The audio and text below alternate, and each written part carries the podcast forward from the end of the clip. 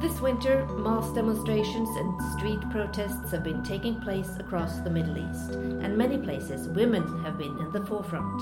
In this podcast, you will meet some of these fierce women who gathered at the Nobel Peace Center in the week leading up to the 8th of March, sharing their insight under the title The Time Is Now Women Leading Middle East Uprisings. This podcast is made by the Nobel Peace Center in partnership with Civita and Oslo Women's Rights Initiative. The first speaker is a Lebanese freelance journalist and activist who is currently covering the uprisings in Beirut, Luna Safwan. Hi, everyone. It's really a pleasure for me to be here. Um, Sharing our stories usually is very challenging because it's never easy to talk about yourself. You would feel that you're trying to leave an impression, not sure if it's always a good one when, it, when we come from a region that is so challenging to talk about. So I will take you guys back to when I think my story started. Uh, a seven year old Luna in Beirut, born at the end of the Civil War in 1990. I had no clue what the world was about. I didn't really know what I had to do in this life, but I remember that I was born and I just listened to my parents talk on and on about a war that had just finished and how lucky I was that I wasn't a part of it. So my father and I used to go walk every now and then, and we used to live by the seashore. So this was a privilege in Beirut because it was such a crowded city. Um, we used to take a walk in the afternoon, sometimes in summer and sometimes even in winter. Now, I remember, and one of my most vivid memories of those walks is that some, sometime when I was at around six or seven years old, we were just walking down the street, and I just wanted to stop for one second, and I just looked at this building, and I looked back at my father. So he froze for a bit, I noticed something different about the building. I noticed the flag that was not the flag of my country. And my dad immediately instructed me in French On ne regarde pas, on marche, on continue. We do not look, we move forward and we continue. I later learned that in my own country, this building was used by the Syrian army to torture, arrest, and extract information from Lebanese citizens any citizen who dares to speak out against the regime and against the government that was not even in my own country. Syria, Syria, and the Syrian government was at the time a major political influencer in Lebanon. The Syrian army had been in Lebanon through the civil war and it had played a lot of roles, so politics was immediately and directly associated with Syria. It was the type of post war influence that the Syrian government practiced directly in Lebanon, and I lived my childhood right next to that building. And it took me years to understand what that building meant. So my interest in Syria started at a very young age. I was a Lebanese kid whose parents would not allow out of the house alone because of a detention center that was located minutes away. I couldn't even walk to my neighbor's house alone. They were always terrified. I was a child of war, a war that I had not lived, but that influenced every part of my life, even though it was, it was over as I was born. So the interest remained with me uh, through big symbolic moments. One of those big moments was the assassination of our own Prime Minister Rafiq Hariri, who was also assassinated by the Syrian regime. So that influence was still in our country, and I was still a child, I was still a teenager. I had no idea what the country was going through or what even an assassination means. But we knew, and I had heard from my family, that Lebanon has changed forever at that moment. I did not at that time understand the politics of the sect really or what it means even to be from a certain sect or from a certain religion. Because you see, I don't come from a religious family. I come from a diverse background. So when I like to go to church, I go to church. When I like to do Ramadan traditions, I could do them. And if I woke up and I wanted to be an atheist, my parents would agree with me. Just do whatever you want, discover. And I feel lucky and privileged that I was uh, brought up that way. But that is not the case for those exploiting our differences in Lebanon at all. And not all of the people were able to reach that amount of freedom.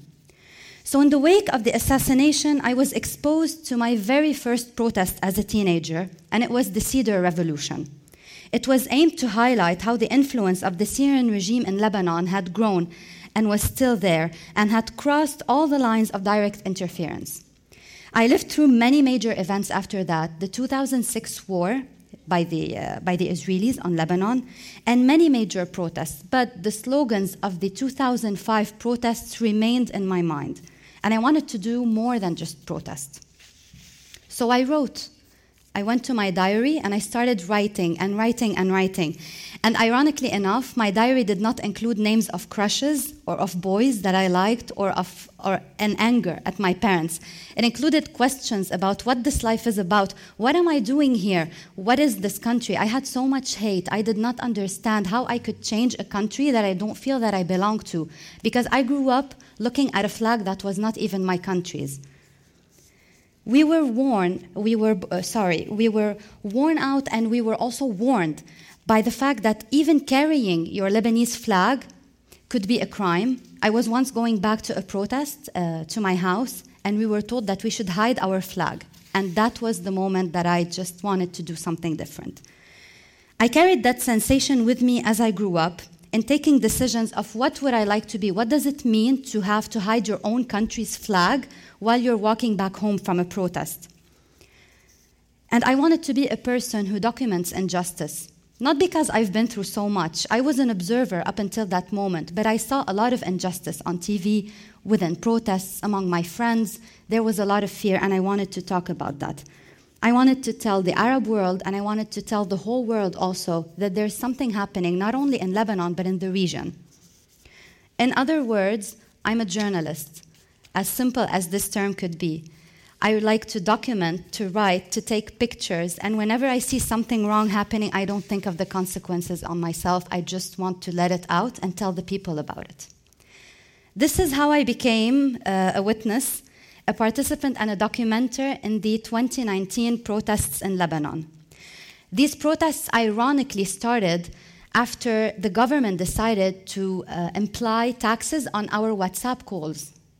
So, as if Lebanon needed anything else, any more corruption, people took down the streets. I was abroad when this happened. I was emotionally tired from Lebanon. It hadn't been given me any opportunities, so I decided to leave for a while. And then this happened. And the slogans were كلن يعني كلن, all of them means all, we need them to go, we don't like them, we don't like the sectarian regime, we want to change. Our prime minister resigned, and I decided that it's time for me to really start documenting this instead of just sitting for the first two weeks abroad, not knowing how I could actually change something. And even though the sectarian structure of the country is still there, and it had remained for months, but protesters were still there, were still in the streets for the first weeks, and were still motivated as ever.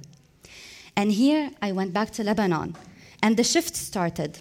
First two weeks were about some violence and some protests, but then the protests became a way of life. You would think that there are parties, picnics, cultural activities, events, and a vibrant art scene. Knowing that I had been abroad, I felt so helpless. But once I was back to Lebanon, I held my camera and I had to talk to every single person. I was spending hours in the streets, and everyone was asking me, What are you exactly documenting? You're not publishing all of it. I told them that this is something that I'm doing now, and I know that I will use in the future. Because for the first time in years, the eyes of the world are in Lebanon, this tiny little country that is always influenced by others.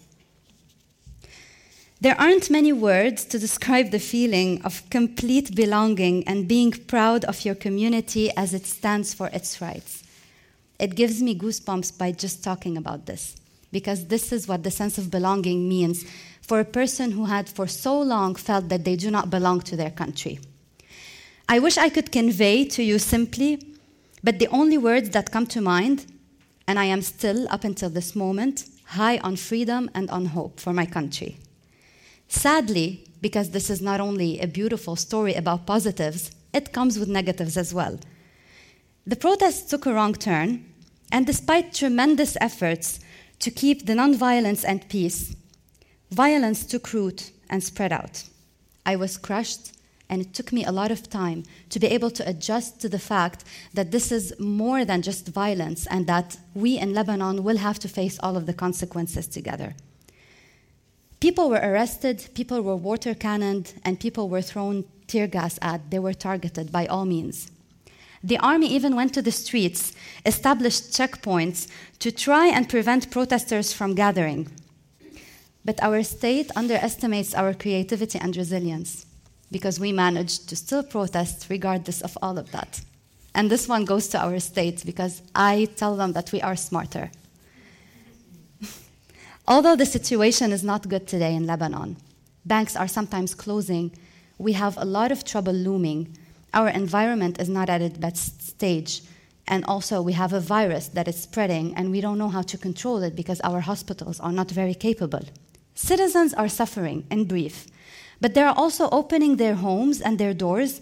They're giving free food, they're helping others, they're volunteering, they're they're working on international and national campaigns, and I don't really know where they are getting this strength from because it has been an exhausting road for them.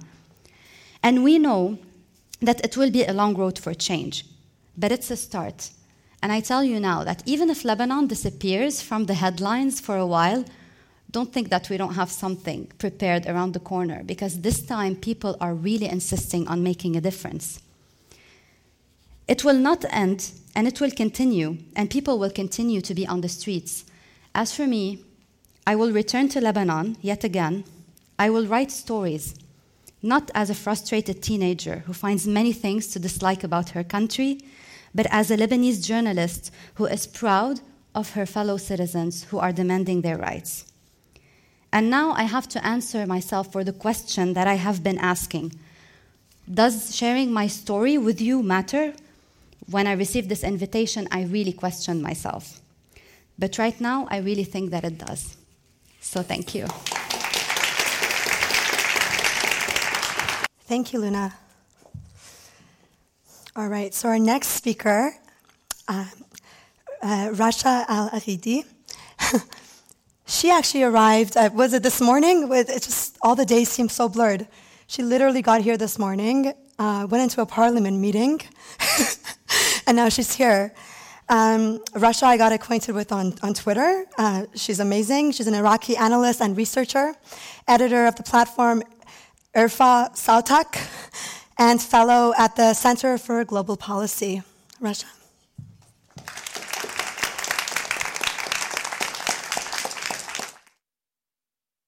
Thank you, Marianne. Thank you, everyone. Is this working? Okay. So, um, I was born in Mosul, Iraq, Mosul is a city well known to have been under ISIS control for several years. I get that reaction every time someone knows where I'm from. We're trying now to disassociate that connection, rebuild the city. But let's talk a little bit about Mosul. Mosul is perhaps Iraq's most conservative city. So imagine growing up as a young woman there, where your value and your importance is based on one thing can you find a husband or not? I kid you not, that's literally how it is, or how it was in Mosul. I personally wanted more. And the pursuit of chasing my dreams and ambitions, I was scorned, laughed at, ridiculed.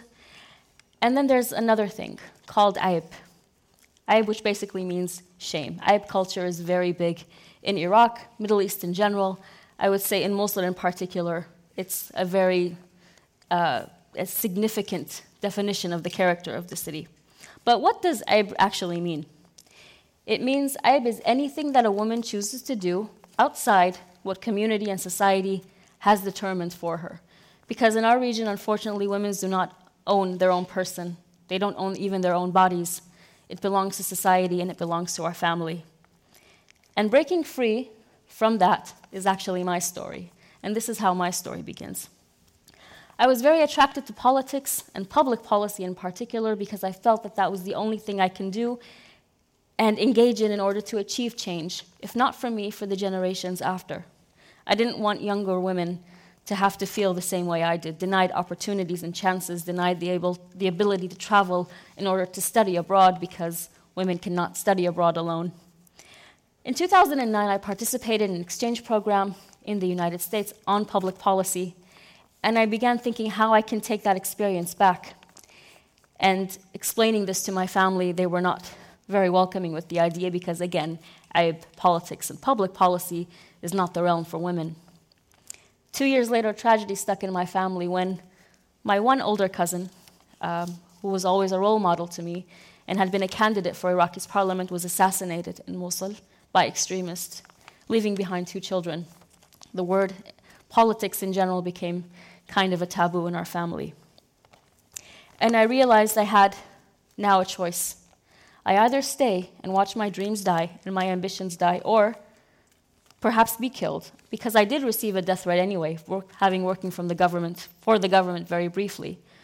Or perhaps I need to leave the country temporarily at least in order to actually actualize my dream, make them real, and perhaps serve my country and community from abroad.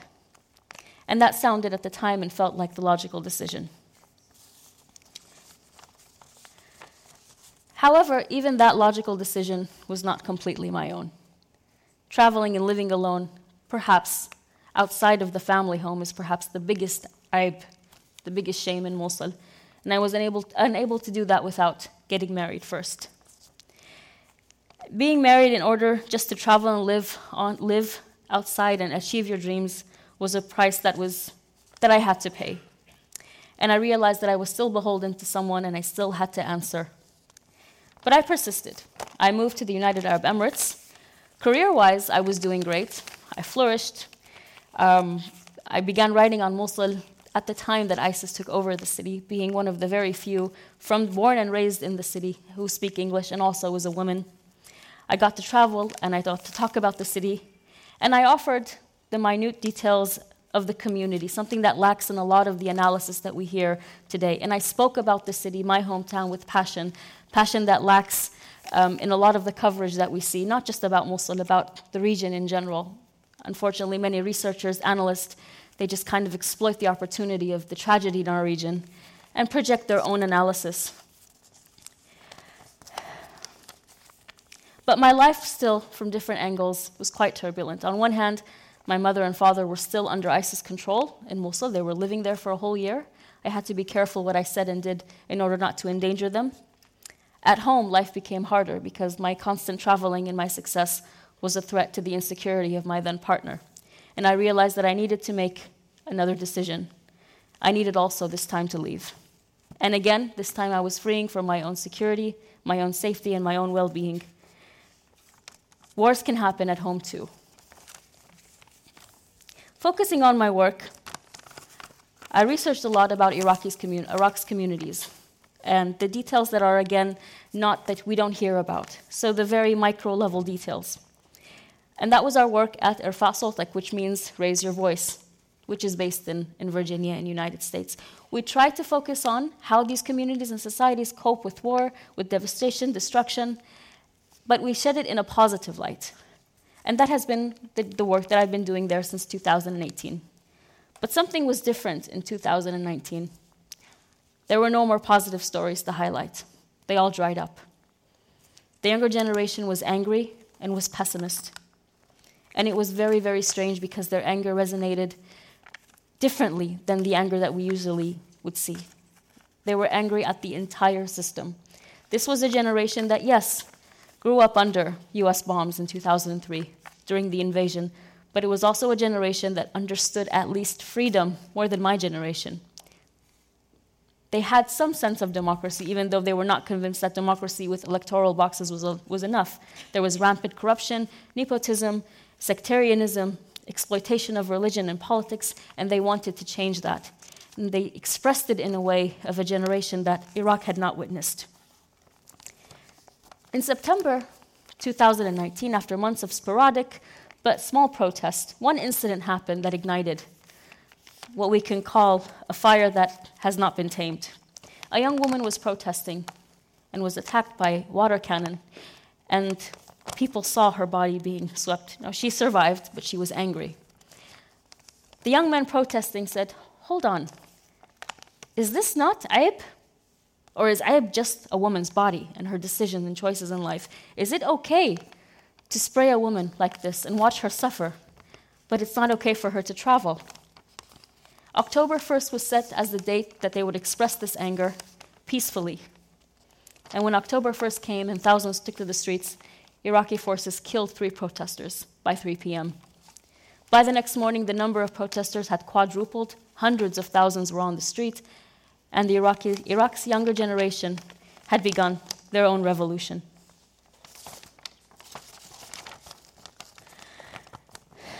Since then, over 700 young men have been killed.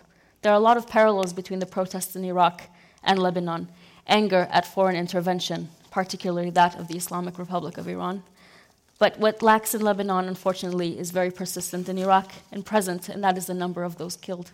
Over 700 have died so far. Hundreds have been tortured. Over 30,000 injured, some of them injured for life, with disabilities now. Hundreds have been forced into silence via intimidation and threats. And tens are still kidnapped. We don't know where they are, we have not heard on them. However, they are still in the streets, right now, even as we speak. And there was a new angle also to this protest that was very new to Iraq, and that's the angle of she. Because just as he persisted and they persisted, she persisted too. So, in the first few weeks of the protests, from October 1st to October 12th, only a few women could be seen within the venues. And then there was a two week period where the religious ceremony of Ashura uh, started in Iraq, so they took a break for protesting. And on October 17th, when the protest in Lebanon, as we just heard from Luna, happened, there was some kind of positive enviness on behalf of Iraqi women. They saw their Lebanese sisters taking to the streets and proud and lead the movement. And they said, you know what, when these protests resume on October 25, we will be. We will be there. We will be in the front lines with our brothers.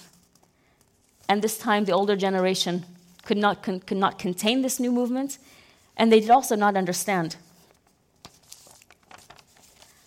It has been absolutely amazing watching these changes in Iraq society, watching these women side by side with their brothers. They have been the medics, the paramedics, they have been cooking, and they have been in the front lines facing the tear gas and the live bullets, and they stay, and they stay there.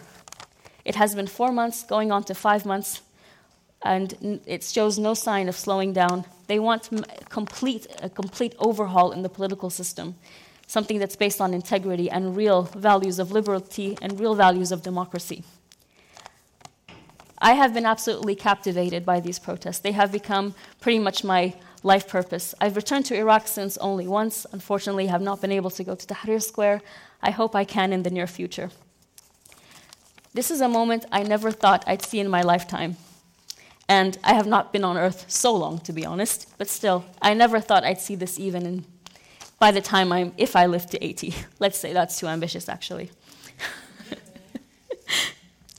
so they are still here in the streets, in Tahrir Square in Baghdad, in the protest venues in South Iraq and Basra, in Najaf and Karbala, the most conservative cities, women, outspoken.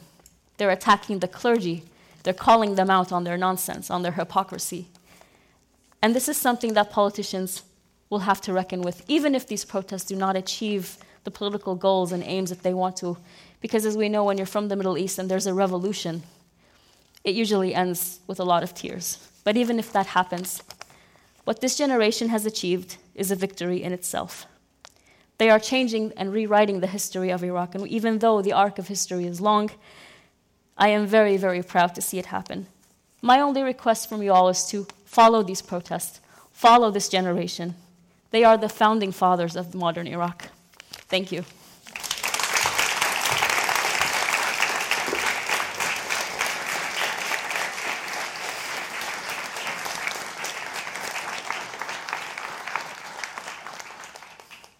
Hi, everyone.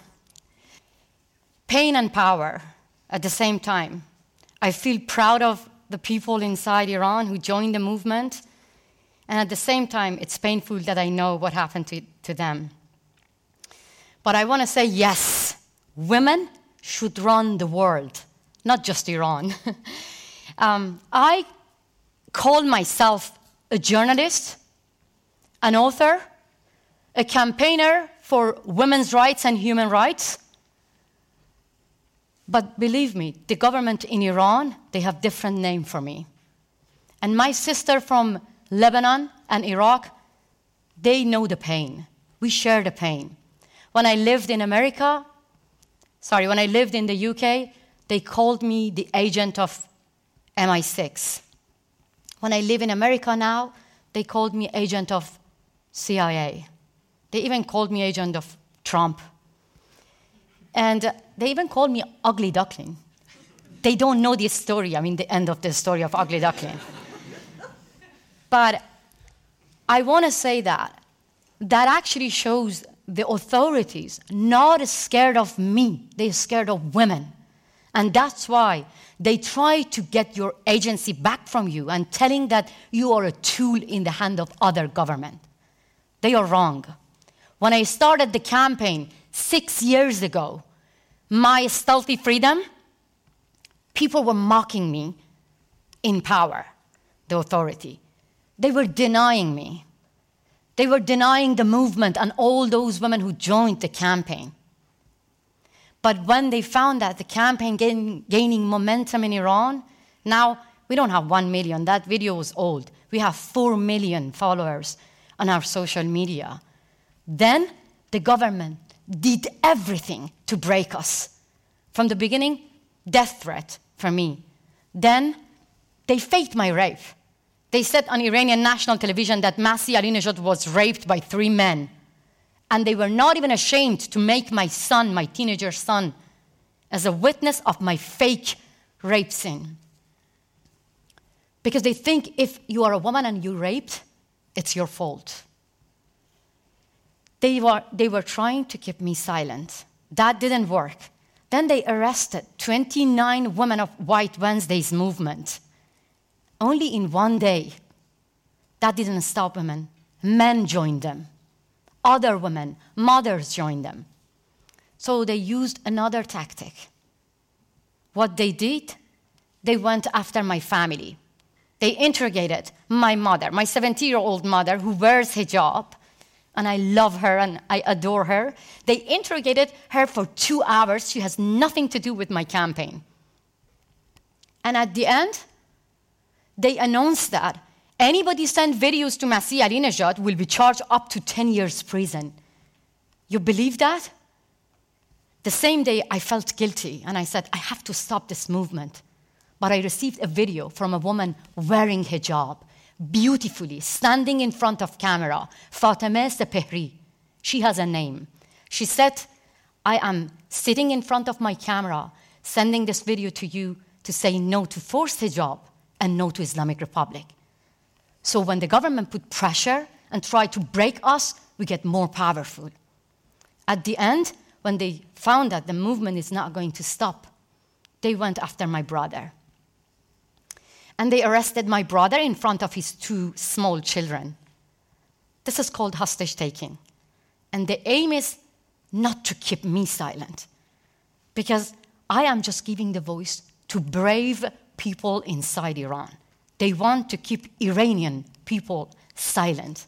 And that is why I had two options when my brother got arrested and when my mom called me, shouted on me, screamed at me, like many other mothers do the same, that if you don't keep silent, then Ali will be in jail forever.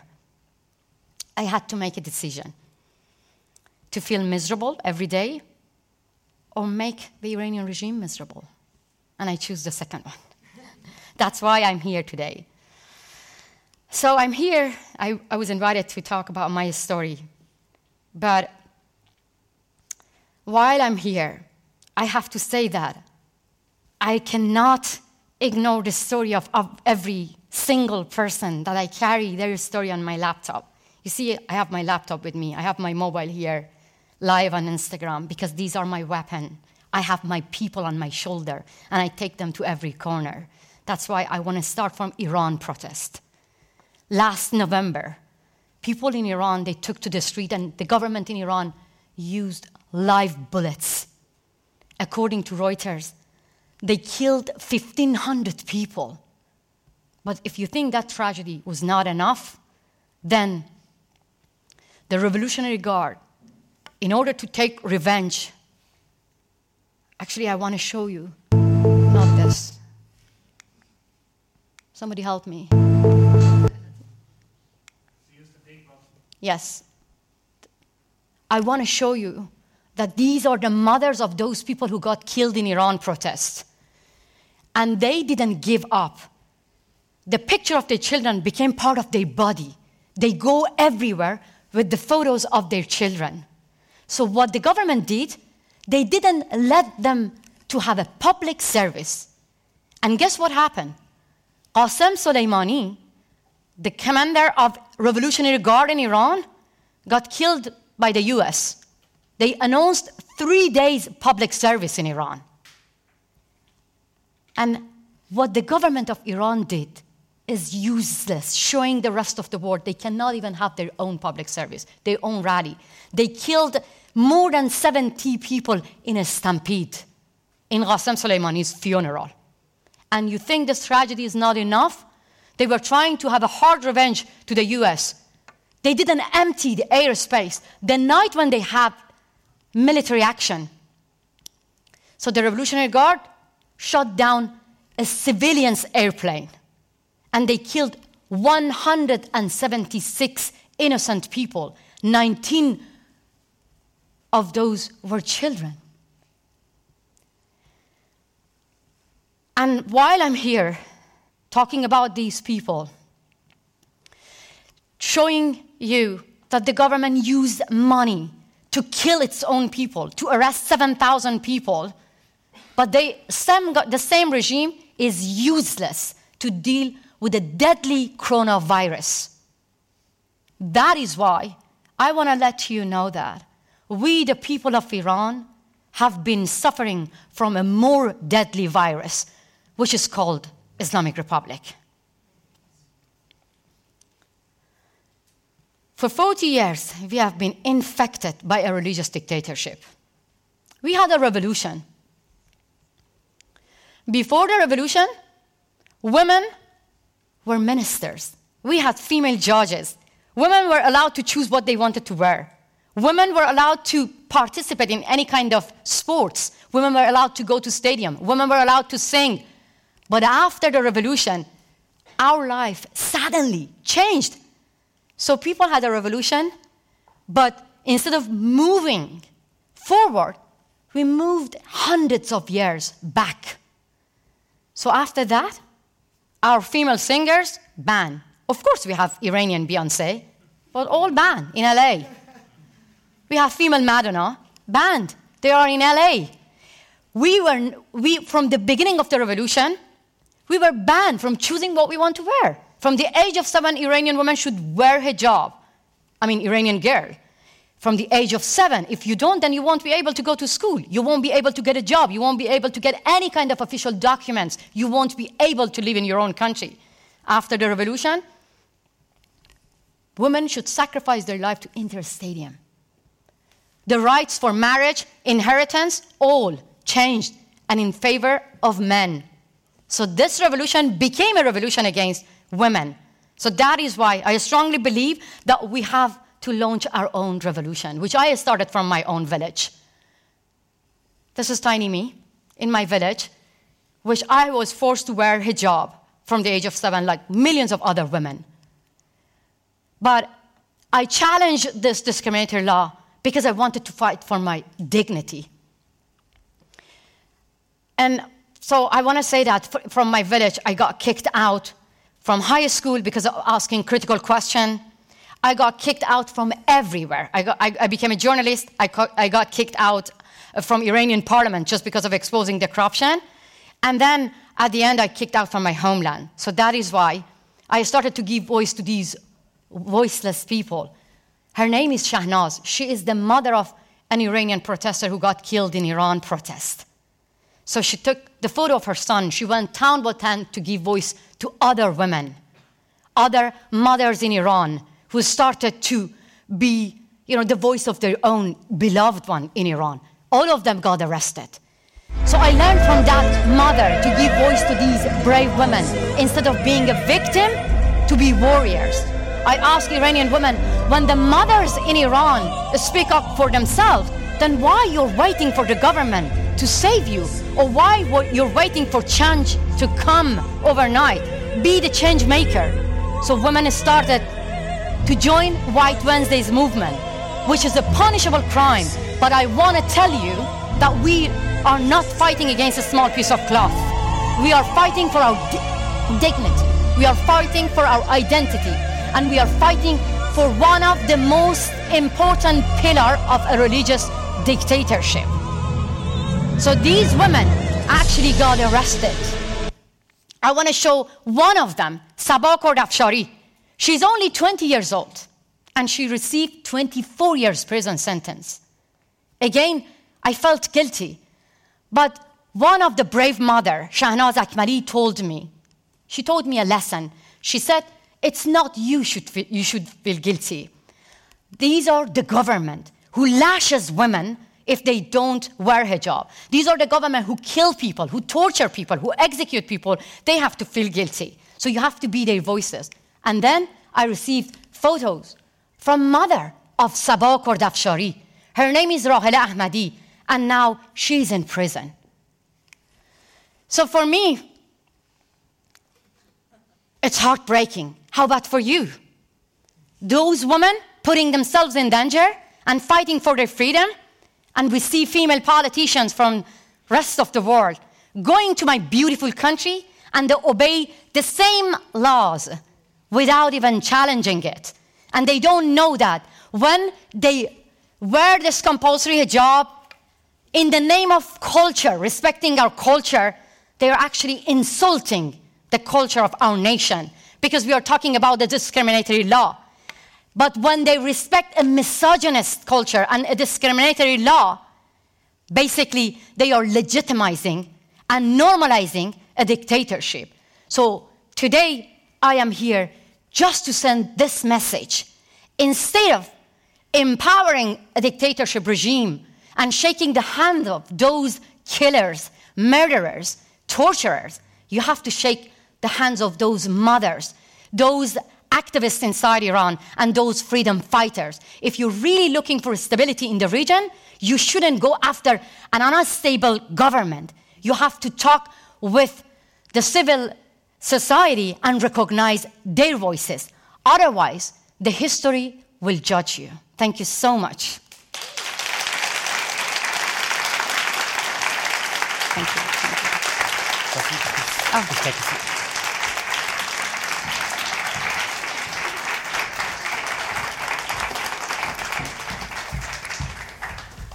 Wow, Luna, Rasha, and Masih, what a powerful stories. My name is uh, Erik I'm a fellow at uh, Civita, and I take great pride in, in sharing a stage uh, with you.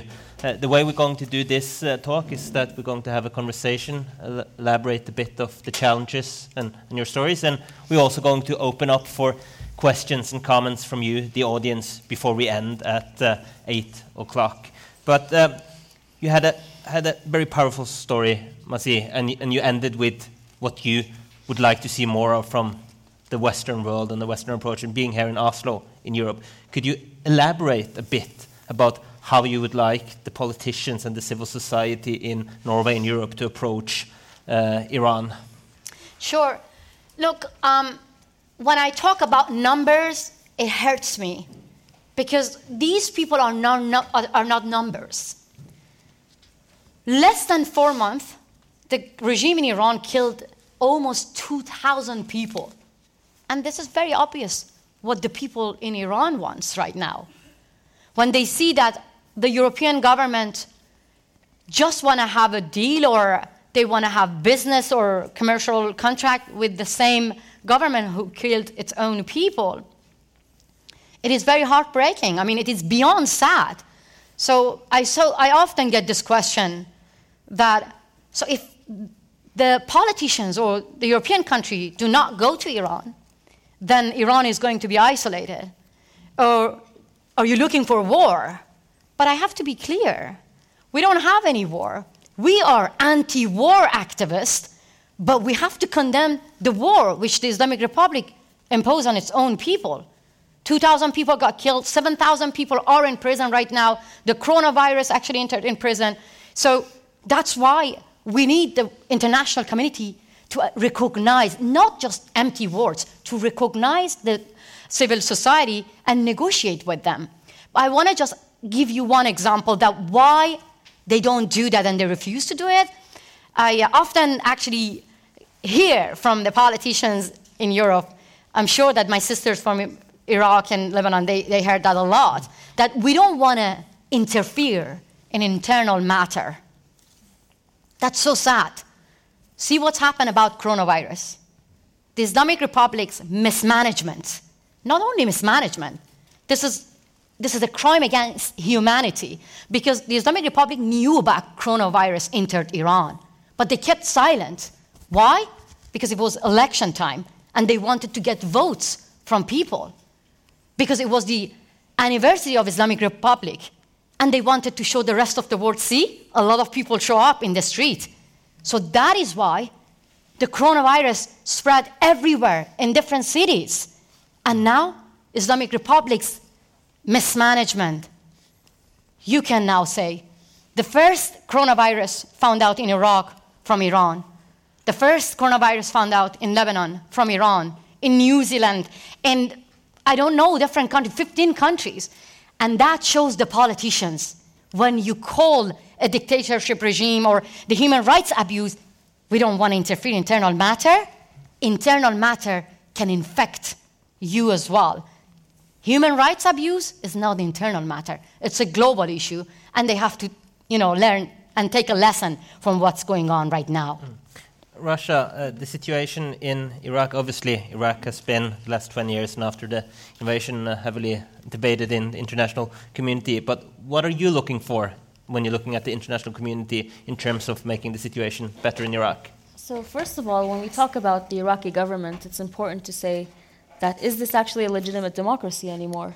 What democracy in the world kills over 700 people?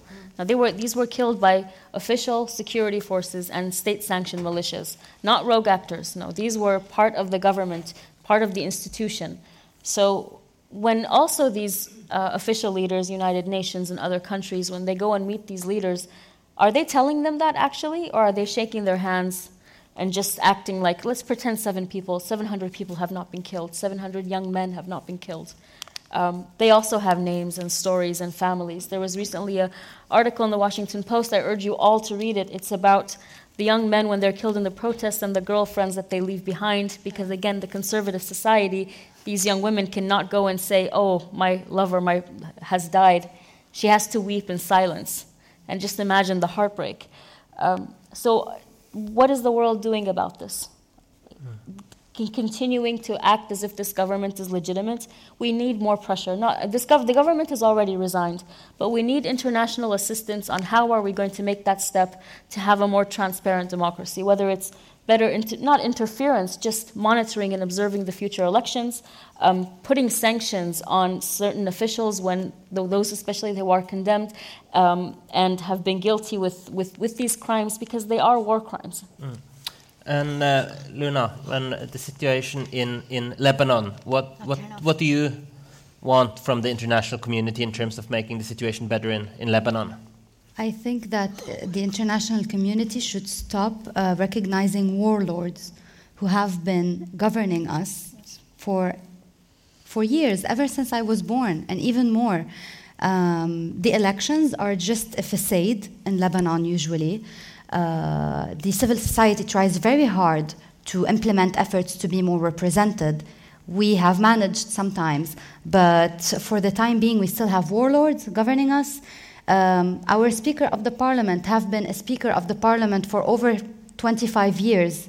He hasn't been bored. He's not bored of this job, and he's not making any changes. So why do you even stay? We have the same names over and over again. If the international community starts recognizing the civil society more and starts highlighting their efforts, efforts more and insisting that they are present in the meetings and in the change making game, then maybe we will have some sort of change in Lebanon and the people will be encouraged to elect differently. Because also the people are responsible for making choices, democratic choices in our country to change the political game. Mm. So. Uh, and just to follow up again, uh, what the, the international communi community can do, and, and Masih, talking about Iran, there's been a lot of talk about Iran deal with Obama and Trump not wanting to following up on it. Uh, sanctions, as such, many people argue, and I think there are some merit to it, that if you just impose sanctions, that will hurt the people more than the regime. What is your thought on that argument? That's a very difficult question because I know sanction hurts people, but I know better that the Islamic Republic hurts Iranian people before sanction. So, and um, I put the blame on the government in Iran because when they had a deal, um, Iran deal, people were celebrating in the street and saying that um, after Iran deal, nuclear deal, we are waiting for human rights deal. So what happened? The government kept arresting people, kept killing people, and most important than this, people were looking for the benefit of the deal. Um, before President Trump, you know, just uh, tore the deal, what happened? The workers in Iran haven't been paid their salaries for month and month. And that is why people took to the street and were asking that, where is the benefit of the deal? The main slogan was that, if there are Iranians here, they can, they can confirm that. Uh, don't send the money to Syria. Don't send the money to Lebanon, to Hezbollah, to Hamas. Don't send money to Bashar Assad. ایرانی اینجا هستین یا نه؟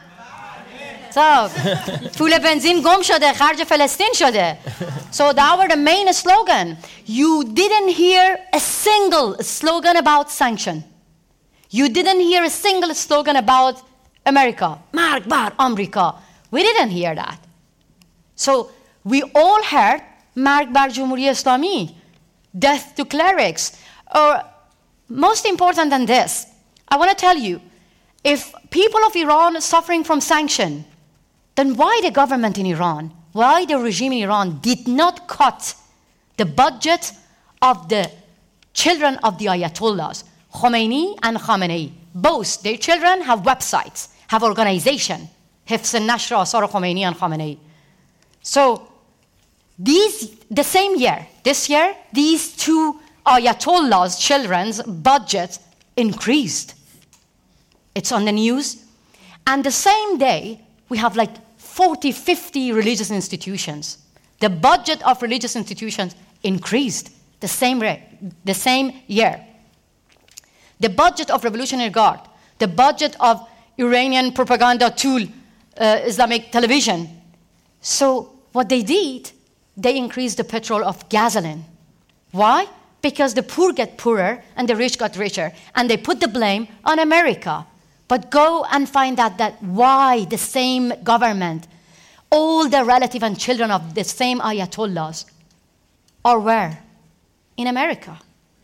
All of them. So to make long story short, I ask not only the US government, I ask the European government. They have to sanction the oppressors. They have to sanction the Revolutionary Guard. The Revolutionary Guard who kills people in the street, who torture people, who bring people on TV to do false confession should be sanctioned. Qasem Soleimani was not a hero. He should be sanctioned by the European government. And what I want, the European government join the US government and understand that this is the tipping point.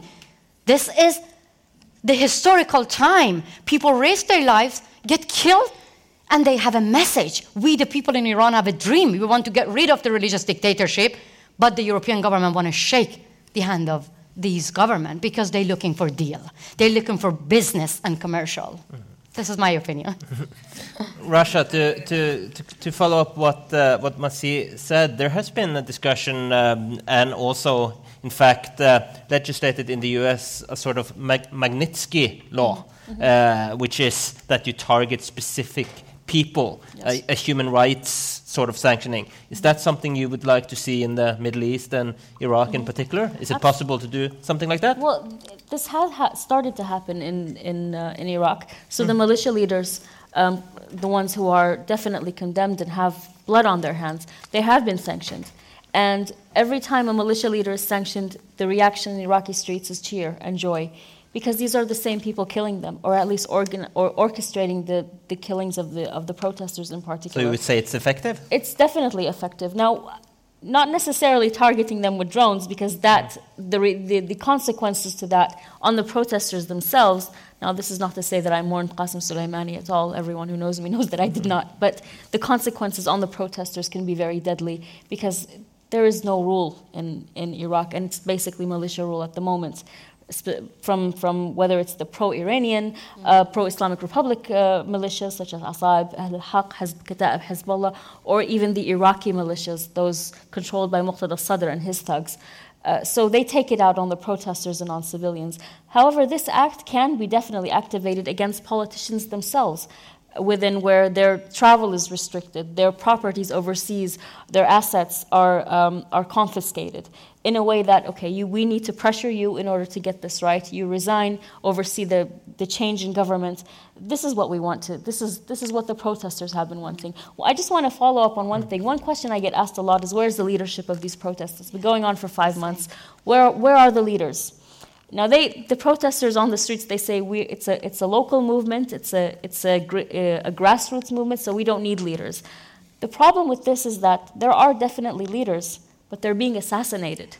If you look at the names that are being assassinated, they're usually the slightly older, in their 30s and their 40s, because there are, there are you know, intelligence that have infiltrated the protests and they collect information assassinated in their homes while they're sleeping, assassinated on their way back home from the protest venues, and their numbers are now in the tens. It's very hard to achieve a leadership when you are being assassinated and targeted and no one is doing anything about it. There has not been one trial against any of these assassinations. The killing of the two protesters in Basra, there's an entire New York Times investigation going on right now, and there's very little evidence and zero cooperation from the Iraqi government to release the information they have. This is why we need such acts.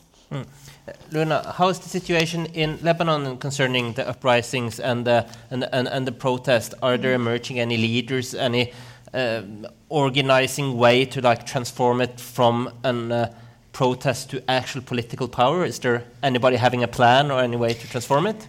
The, the thing that's happening now in Lebanon is that they're trying, the civil society is trying to lobby more and to prepare for elections because they think and they and we know that the elections are the only way to actually get to the parliament and infiltrate the parliament and the political blocs and start making a change we don't have a leadership in lebanon yet um, maybe it's uh, we're on the safe side because we're not getting as as many um, physical threats or what's happening in Iraq is heartbreaking. We're still very lucky because we are not at that tip of uh, the iceberg yet.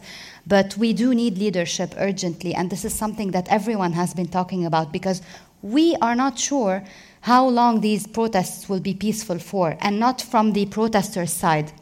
There are many political players. There are parties and political blocs that do not want these protests to continue. Uh, there are political allies who are damaged from both sides of the political game in Lebanon. So we might have the privilege now to take our time and to reassess and to take a break because of the coronavirus and to regroup and everything. People are taking uh, back the streets. In the past few days, there were roadblocks. The momentum has been you know, has been refreshed, but at the same time, we do need leadership because eventually the protesters will have to go on to the parliament or to political blocs and they would have to stand up for them. And it's time for us to be able to access the parliamentary square and the parliament. Today, I went into the uh, Norwegian parliament and I haven't even stepped foot in my own parliament in Lebanon, and I never met the Speaker of the Parliament for an interview. Yet I sat in the parliament here, and I felt so privileged to have the ability to discuss these things. We need to do this in Lebanon. And this is why I fear that in the upcoming weeks, the protests and the people's anger might double because they want to get to the parliament. It's, it's where they are voting, it's where their choice remains. So um, le- the leadership has to emerge. But at the same time, the economical situation, this is something we have to insist on. The economical situation is scary, it's challenging with the coronavirus, with the shortage of the medical supplies in the hospital, hospitals, people are being a bit hesitant now. Mm. So this is why it's a double-edged sword at the moment. And to, to follow up on on on, on uh, prospect of elections, mm. some people would argue if you have elections in Lebanon or elsewhere in the Middle East, you have religious extremists winning majority and so on. Mm what would be a, if and uh, for, for, for the prospect of free and fair elections at all? And uh, how would you assess the situation now? Um, it's, it's a very good question because um, maybe two years ago they would have won in certain areas. We had people in North Lebanon, in Tripoli, which is a Sunni uh, city. We had uh, the, people were tearing down uh, famous leadership uh, posters and pictures Hariri, Mikati, Karami. Mm These are the, the, the politicians that usually represent this, this area. And this area and the poverty that has been happening there for years, they did not really, uh, they did not really touch base on any solutions in the past years. So people are just treading down their pictures and removing them. This says a lot it's happened from Tripoli. It says a lot about Lebanon. It means that these people, these politicians, are no longer representatives. And also, another, another religious aspect is South Lebanon, where people, for the first time on October 17th, they started protesting against Hezbollah and Amal movement. Mm-hmm. And this is big. And they are being attacked. Their tents are being burned because they are Shia and they are against these movement and the Shiite sect. So this is also something that people and the international community should acknowledge not all Lebanon is Hezbollah. And I have to keep repeating this not all South Lebanon is Hezbollah. We have friends there who are suffering now to raise the Lebanese flag and to make their voices heard. So we are trying, they are trying. It's a long road, as I said in my, in my story, but I can sense the courage in cities that were conservative, in cities that, you, that were not as secular as I am they are changing and they are making this change. So mm. the elections, the elections will be different, if not 100% this time, maybe 50, but we're on the right road. Rasha wasn't the elections uh, after the invasion in, in Iraq uh, an example of religious extremism, tribalism, succeeding in, in what was uh, pretty high voter turnout. Yes, absolutely. The first uh, two elections. Now, last election, 2018, where the religious cleric Muqtada Sadr's party won uh, the majority of the votes. That's what we hear all the time, but only 30% of the people voted. Mm. So if we're going to talk about the majority, the, ma- the majority of the people are those who sat at home, not because they were lazy. The first two elections, as you mentioned, the turnout was massive. I voted. Uh, I was very happy to vote. Um, it was a, definitely a privilege, just that sense of freedom. We take these elections seriously, obviously. Young people are dying for democracy in Iraq. They don't take it for granted. Um, however, the last elections, it became clear that this was a fraud, that they, these were not true elections, that a lot of votes, um, the way our, the political system is, manipul- is, is set in Iraq is very manipulative. You can only vote for certain parties, and you cannot vote for individuals. So there's always a party that usually is uh, Islamic based, uh, Dawah party or whatever. There's always a clergy, in, clergy involved. Uh, these are the parties you end up voting for. And this is what they want to change the voting system. So last time, the, the majority, 70%, they did not vote. These are the majorities that are today. This is the majority that is protesting today. So the elections in Iraq, it's the government need, and the international community. I won't. I will stop saying Iraqi government. The international community needs to recognize that these the elections in Iraq are no longer. It's it's just like it is in Lebanon. It's just for show. People don't believe in them anymore. They're boycotting them. They are no longer legitimate. Uh, Masih, obviously, and for very good reasons, we talk a lot about women activists here. And, and uh, being the only male, um, I can assure you that's not why I'm asking this question. But what is the role of men? I love that question, actually. wow, that's great. I'll give you the, the yeah. opportunity. Are, are, what, what, what are the attitudes of men? Aren't they also a victim of the structural system here? That's a very good question. Today, when I met with the members of parliament, um, I was amazed by one of the comment from a female uh, member of parliament in Norway saying that you shouldn't just ask the female politicians to support um, women's rights movement in Iran. You have to ask the, you know, the, the, the politicians, whole politician, men as well, because, um, you know, we have to get them involved in the movement when we go to Iran or um, we talk about Iranian movement, we have to talk men and women together. So, and I gave her an example that yes, we need men. I'm going to give the example here. When our foreign minister Javad Zarif went uh, in France meeting with the politicians, one of the female politicians challenged her, him and asked him that why you actually oppose compulsory hijab on us we are not Muslim, we are not Iranians, so why should we wear hijab when we visit your country?